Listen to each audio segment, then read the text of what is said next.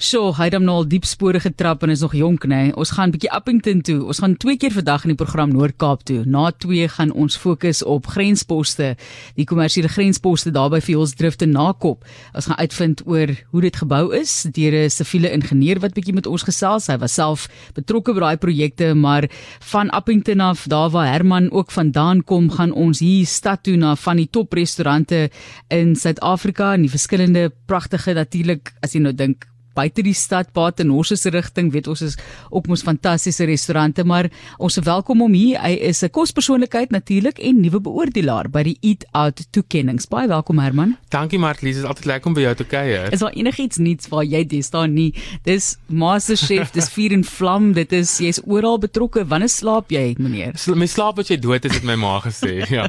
Ek ek sê altyd vir mense my ma het gesê as Herman niks sit en doen nie moet jy weer as groot marakas op pad Moeilikheid ja, moeilikheid. moeilikheid dis 'n moeilike taak ook hierdie Herman en mens moet tyd neem dit is ook nie maklik op 'n mens se liggaam noodwendig. Ek meen ek vergelyk dit nou amper met potjie kos kompetisies waar jy 15 en 20 potte moet beoordeel. Mense sê, "O, oh, lekker, maar jy moet dink aan jou aan jou liggaam ook." So dis 'n moeilike proses hierdie om die restaurante van Suid-Afrika te beoordeel. Inderdaad, en ek weet ek ek sê vir my vriende altyd almal gaan sê dit is die droomjob en dit is inderwaarheid die droomjob. Ek ek dink om hierdie werk te doen, ek vat dit baie ernstig op. Ek is baie lief vir restaurante, ek is baie lief vir hierdie bedryf.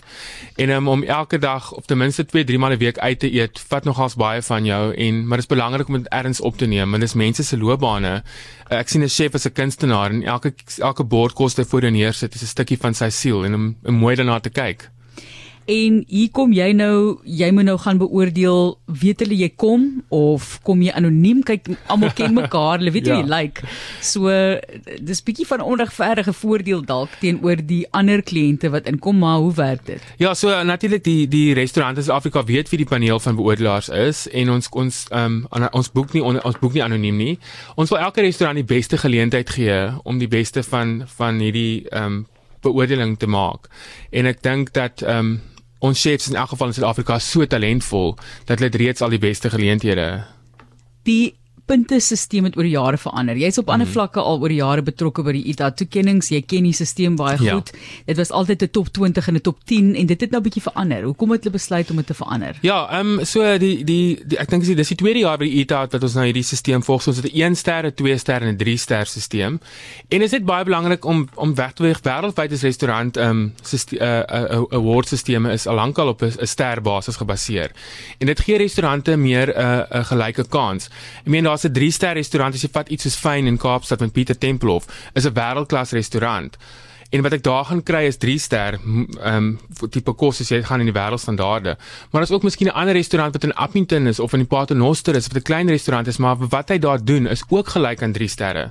So is belangrik om dan hierdie ehm um, speelveld gelyk te maak in terme van wat is 3 sterre? Dis nie noodwendig 'n tipe restaurant nie, maar dis 'n tipe diens, dis 'n tipe kos, dis 'n tipe styl van kos wat jy bedien. Jy praat nou van elke bord kos en elke chef is 'n kunstenaar. Ja. Ek sien nie myself noodwendig as 'n kunstenaar. Dis waar jy is.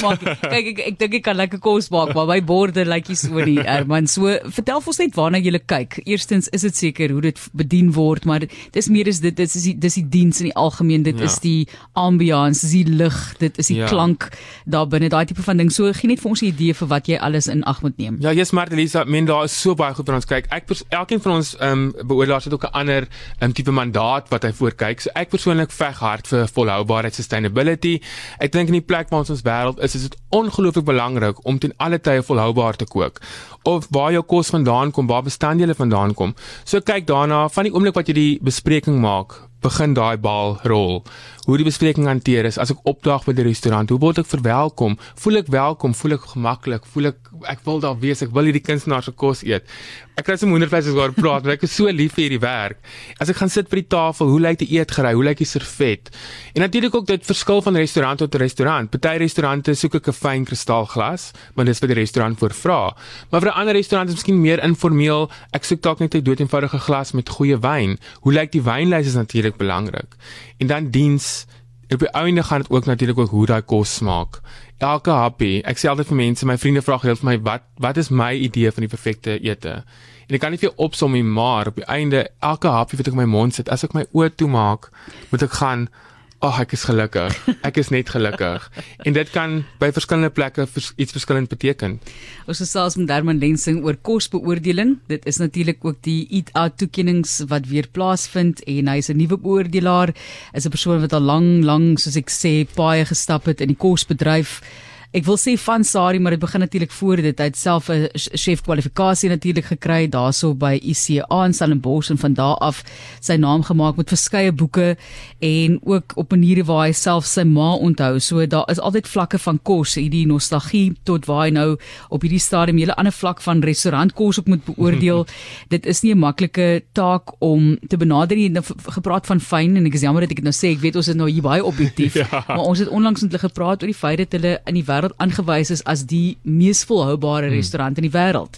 Ja. So fantasties wat gedoen kan word as jy besluit jy wil daarop fokus. Galjoen, verstaan ek, doen ja. so wat deel is van Billy the Beast yeah. en baie van dieselfde tipe van ding en fokus op wat beskikbaar is. Ja. Volhoubaarheid is um is ook 'n baie wye baie woord. Ek is ek is intedeel besig om 'n artikel vir Sari Kos te skryf daaroor want wat beteken volhoubaarheid presies?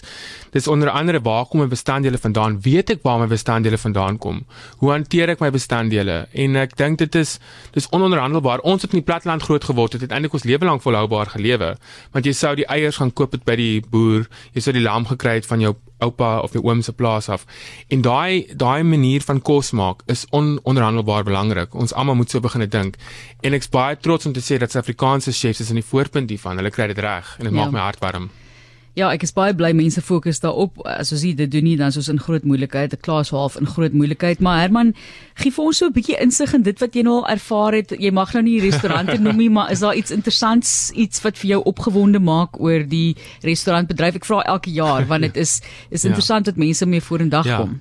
Wat wat my baie opgewonde maak en ek dink die die luisteraars gaan ook opgewonde wees daaroor is dat die beweging van daai ekstreme kos met torings en druppels en skuimpies en poeiertjies wat jy nie regtig verstaan nie is besig om te verdwyn. Die internasionale as ek kyk na iets soos Magou Janse wat ook uit ons eie grense uitkom. Ek het onlangs by 'n restaurant geëet in Nederland saam en die kos is eenvoudig, dis verstaanbare kos en dit is wat besig is om te gebeur in ons eie grense ook. Dis 'n bord waar eenvoud koninkraai, dis kos wat geurig is goed gaar gemaak, baie mooi voorgesit. Maar die dae wat ek bang is vir my kos is definitief besig om te verdwyn. bang is my kos. Ja, dis as iemand iets vir jou bring, jy weet nie eintlik regtig wat moet ek doen met die ding nie. ja. Wat is die, die ballon ding, die bubblegum ja. ballon ding? Dit was ja. altyd vir wat moet ek die ding hap? Moet ek hom blaas? Gaan hy oor my hele kop? Gaan hy breek? Ja. Wat gaan gebeur? Moet ek net kyk vir hom? opwindend is opwindend, maar ja. dit raak bietjie belaglik. Hoeveel restaurante moet jy by gaan eet? Ag, ek het al op, ek het al op hotel gesterwel. Ek het, ek dink ek het nog 18 oor om te doen. Jo.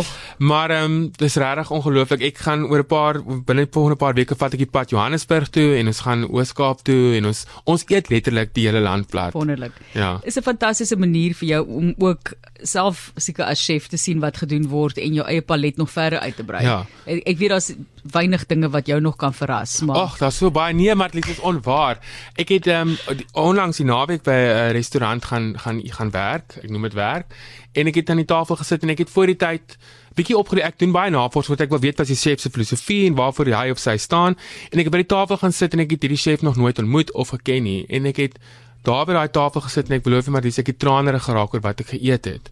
En ek het daar weggestap en gegaan soos Dit is waar hoekom ek lief is vir wat ek doen, want ek leer nuwe goed, ek ontdek weer daai magic van kos. En as jy sê net so lank jy 'n ou langer jy in 'n bedryf is, dan vergeet jy later wat jou opgewonde gemaak het. Ja. En hierdie hierdie journey of hierdie hierdie ja, proe maak my weer opgewonde oor wat my werk is. Dis so mooi. Jo, is lekker om dit te hoor, entoesiasme. Herman net laastens as mense wat nou luister sê asseblief man, ek jy weet wat wat maak dit saak wat restaurante doen? Mense kry swaar, baie mense mm. kan skaars kos bekostig. Ehm um, en verder ek braai maar liewer by die huis, jy weet. maar wat is jou opinie? Hoekom is hierdie tipe van toekenninge belangrik? Hoekom is dit belangrik vir Suid-Afrikaanse chefs om nog steeds eh, te probeer uitstyg en presteer? Dis ongelooflik belangrik. Wat wat definieer definieer wat sy woord definieer? Ja, definieer daai woord. Ja. Ek kom af in so groot woord. Albei sal werk, ja. Ja, wat definieer ons kultuur, 'n mens reg oor die wêreld? Is hulle taal, is hulle kos? En en hulle dis hulle taal en kos en as ja. ons chefs ons taal van Suid-Afrika kan aanhou praat, aanhou ons stories kan vertel, sal die wêreld met altyd met deernis en met beter oë na ons kyk.